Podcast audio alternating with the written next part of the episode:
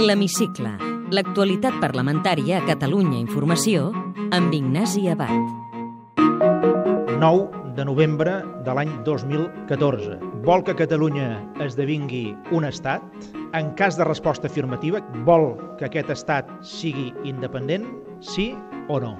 Consulta amb doble pregunta, incloent el terme estat independent i en menys d'11 mesos. És el compromís polític anunciat dijous al Palau de la Generalitat pel president Artur Mas.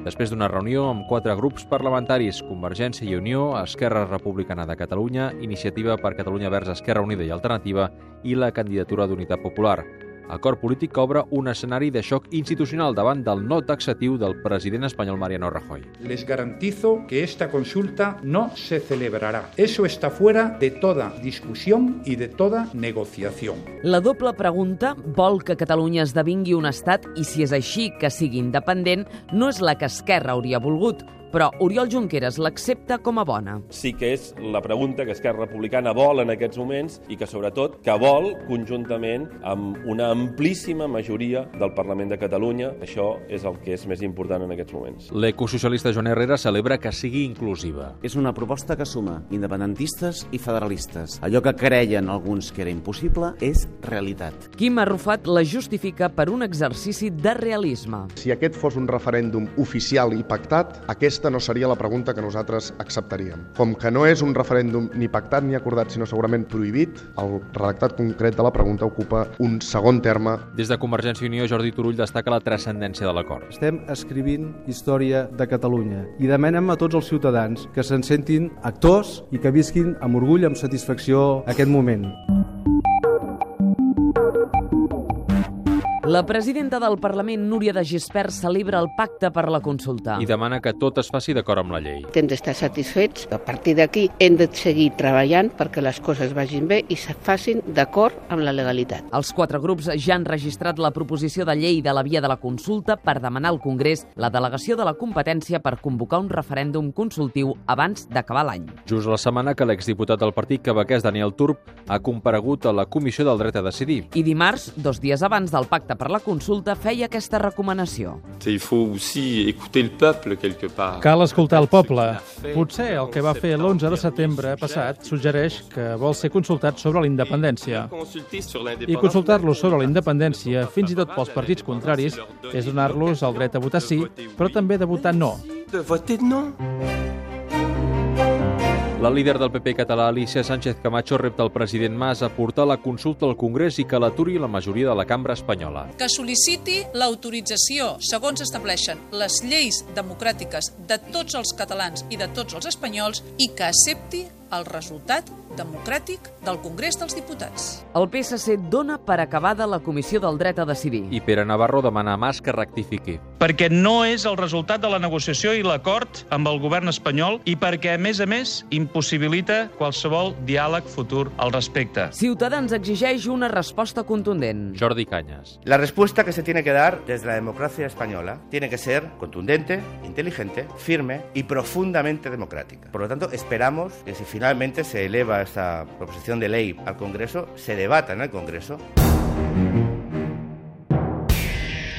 Tot plegat passava el primer dia del polèmic simposi Espanya contra Catalunya en el marc del tricentenari de 1714. El conseller Francesc Coms rebatia en comissió dimecres les crítiques sobretot del popular Juan Milian. Senyor Homs, aquest simposi és odi, que no va només contra la resta d'Espanya, sinó també contra el 80% dels catalans que també ens sentim espanyols. El simposi de demà és un acte acadèmic. Però no, no, vostès estan capficats en fer passar bou per bèstia grossa. Vostès tenen un objectiu polític molt clar, que és la liquidació de Catalunya. I a més a més des d'una visió imperialista. Més enllà d'aquest enfrontament, tots els grups menys Convergència i Unió haurien canviat almenys el títol del simposi. Sentim Sergi Sabrià d'Esquerra, Dani Fernández del PSC, Jaume Bosch d'Iniciativa i Carina Mejías de Ciutadans. Si ens hagués tocat organitzar-lo a nosaltres, crec que no hauríem escollit el nom d'Espanya contra Catalunya, sinó probablement l'estat espanyol contra Catalunya. El títol ha estat un error. El professor Fontana en la seva conferència el dona. Lliçó inaugural. Espanya-Catalunya, 300 anys de conflicte polític. Tan difícil era canviar el títol del seminari, com a mínim el títol, ja no dic l'orientació. Que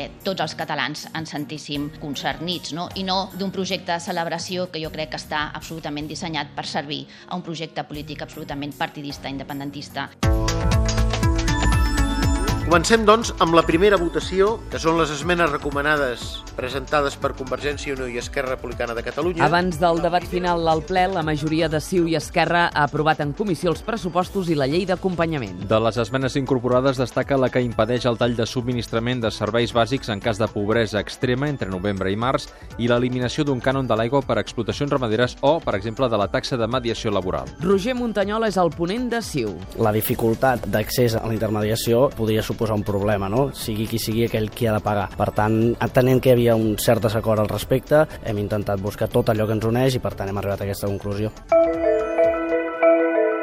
El Partit Popular ha tornat a ajornar a demanar més compareixences pels casos d'espionatge polític. Ho feia dos dies després que s'arxivés la causa penal per l'enregistrament el 2010 d'una conversa d'Alicia Sánchez Camacho amb l'exparella de Jordi Pujol Ferrusola al restaurant La Camarga. Convergència i Unió, Esquerra i Iniciativa insisteixen que el líder popular comparegui en comissió juntament amb l'ex número 2 del PSC, José Zaragoza, tal com van aprovar el juliol. Sentim el popular Pere Calbó i el convergent David Bombaí.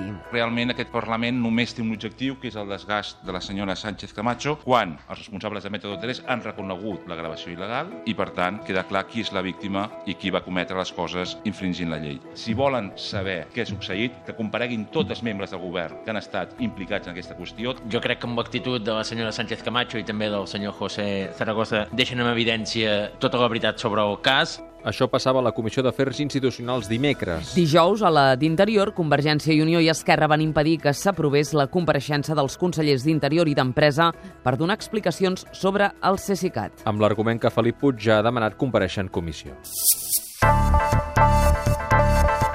El conseller Puig va donar dimecres dades de recaptació de la taxa turística en els primers 11 mesos d'aplicació. Durant aquest període s'han recaptat un total de 34.377.000 euros. Un 47% provenen dels ingressos recollits en els establiments turístics de Barcelona. La diputada de Ciutadans Inés Arrimadas ha demanat l'empara de la mesa del Parlament després del que considera un tracte sexista i vexatori per part del conseller en un moment del debat a la Comissió d'Empresa i Ocupació. Puig va preguntar a la diputada si també es despullaria com va fer Albert Rivera en campanya. Comentari que després va retirar. Escolti'm, jo no li trauré la foto del seu cap de llista despullat. No em compari campanyes electorals de partit amb campanyes estratègiques de país. No sé si ho farà vostè també, però estem parlant del que fa el govern, no del que fan els partits polítics. Sí, senyor tant... conseller, eh, perdoni, l'exemple que ha ficat de la senyora diputada la més elegant. No, no, he parlat del seu diputat, eh, cap de llista, no dic que ho fes ella. Y le pido, por favor, Arrimadas, como por favor. diputada, que retire lo que ha dicho del cartel porque me parece que está absolutamente fuera de lugar. És evident que he fet una comparació que ha tingut uns efectes no desitjats. En qualsevol cas, si vostè s'ha sentit ofesa, retiro la meva referència personal i li demano disculpes.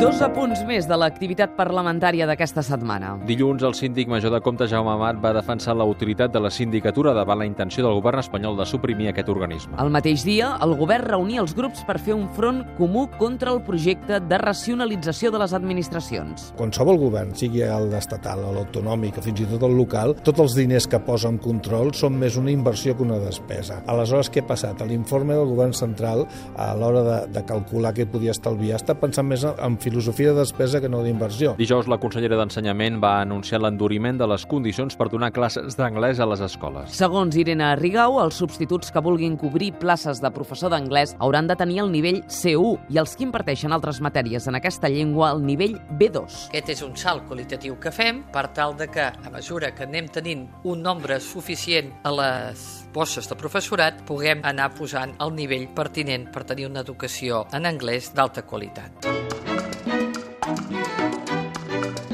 Té la paraula. Pere Regull, diputat de Convergència i Unió i alcalde de Vilafranca. En una frase.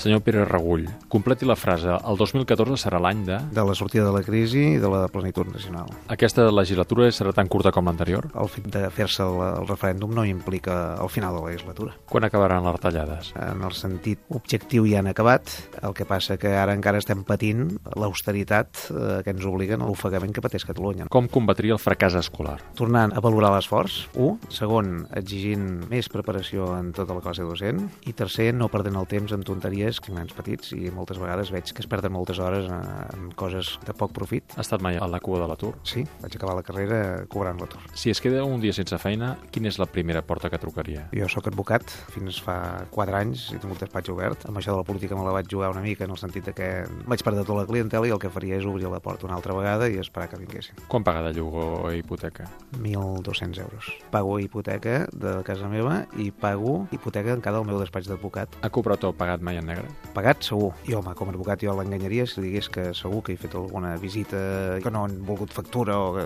segur. Espero que no vingui Hisenda i em reclami per les 30 euros sols que cobrés de les visites aquelles que no. Posaria la mà al foc que ningú ha comès mai cap irregularitat al seu partit? Com que sóc advocat fins que no es demostri el contrari, evidentment que posaria la mà al foc. Creu en el destí? Crec en el destí que es llaura cada un. I en la sort? Sí, jo sempre n'he tingut bastant. Compra loteria? Sí, és de les coses en què no tinc mai sort, veu? Creu en l'amor a primera vista? Sí. Amb quin sex símbol compartiria una estona? Per exemple, amb la Halle Berry. Quina és la pel·lícula de la seva vida? De Sergio Leone és, era una en Amèrica, que a mi tota la vida m'ha agradat molt. Un quadre que l'apassiona? Els rellotges del, del Dalí. Una obra de teatre d'impacte? Quan flotats va fer el Cirano aquí a Barcelona. Quina novel·la em recomana? Los cuatro jinetes de l'apocalipsis del Vasco Ibáñez. Si la llegiu quedareu sorpresos de la modernitat en què està escrit un llibre del començament del segle XX. Els esports els practica o els mira? Jo tot ho practico. Havia fet maratons, havia fet triatlons i també faig castells. Malauradament, els castells el dia de Sant Fèlix els haig de veure des del balcó, com a alcalde. És de les poques coses que espero mirar-m'ho des de baix una altra vegada. Quin plat cuina més bé? Jo li puc fer des d'una paella fins a un conill guisat. Una mania confessable? Sempre que haig de respondre una entrevista o que parlo en públic, porto un boli a la mà. És cert. Sóc exfumador. Quan acaba un ple al Parlament, com desconnecta quan torna cap a casa? Molt complicat. Costa molt desconnectar del, del Parlament. Senyor Pere Regull, moltes gràcies. Bé, moltes gràcies a vostè. Podeu tornar a escoltar aquest programa i recuperar els anteriors a catradio.cat barra hemicicle.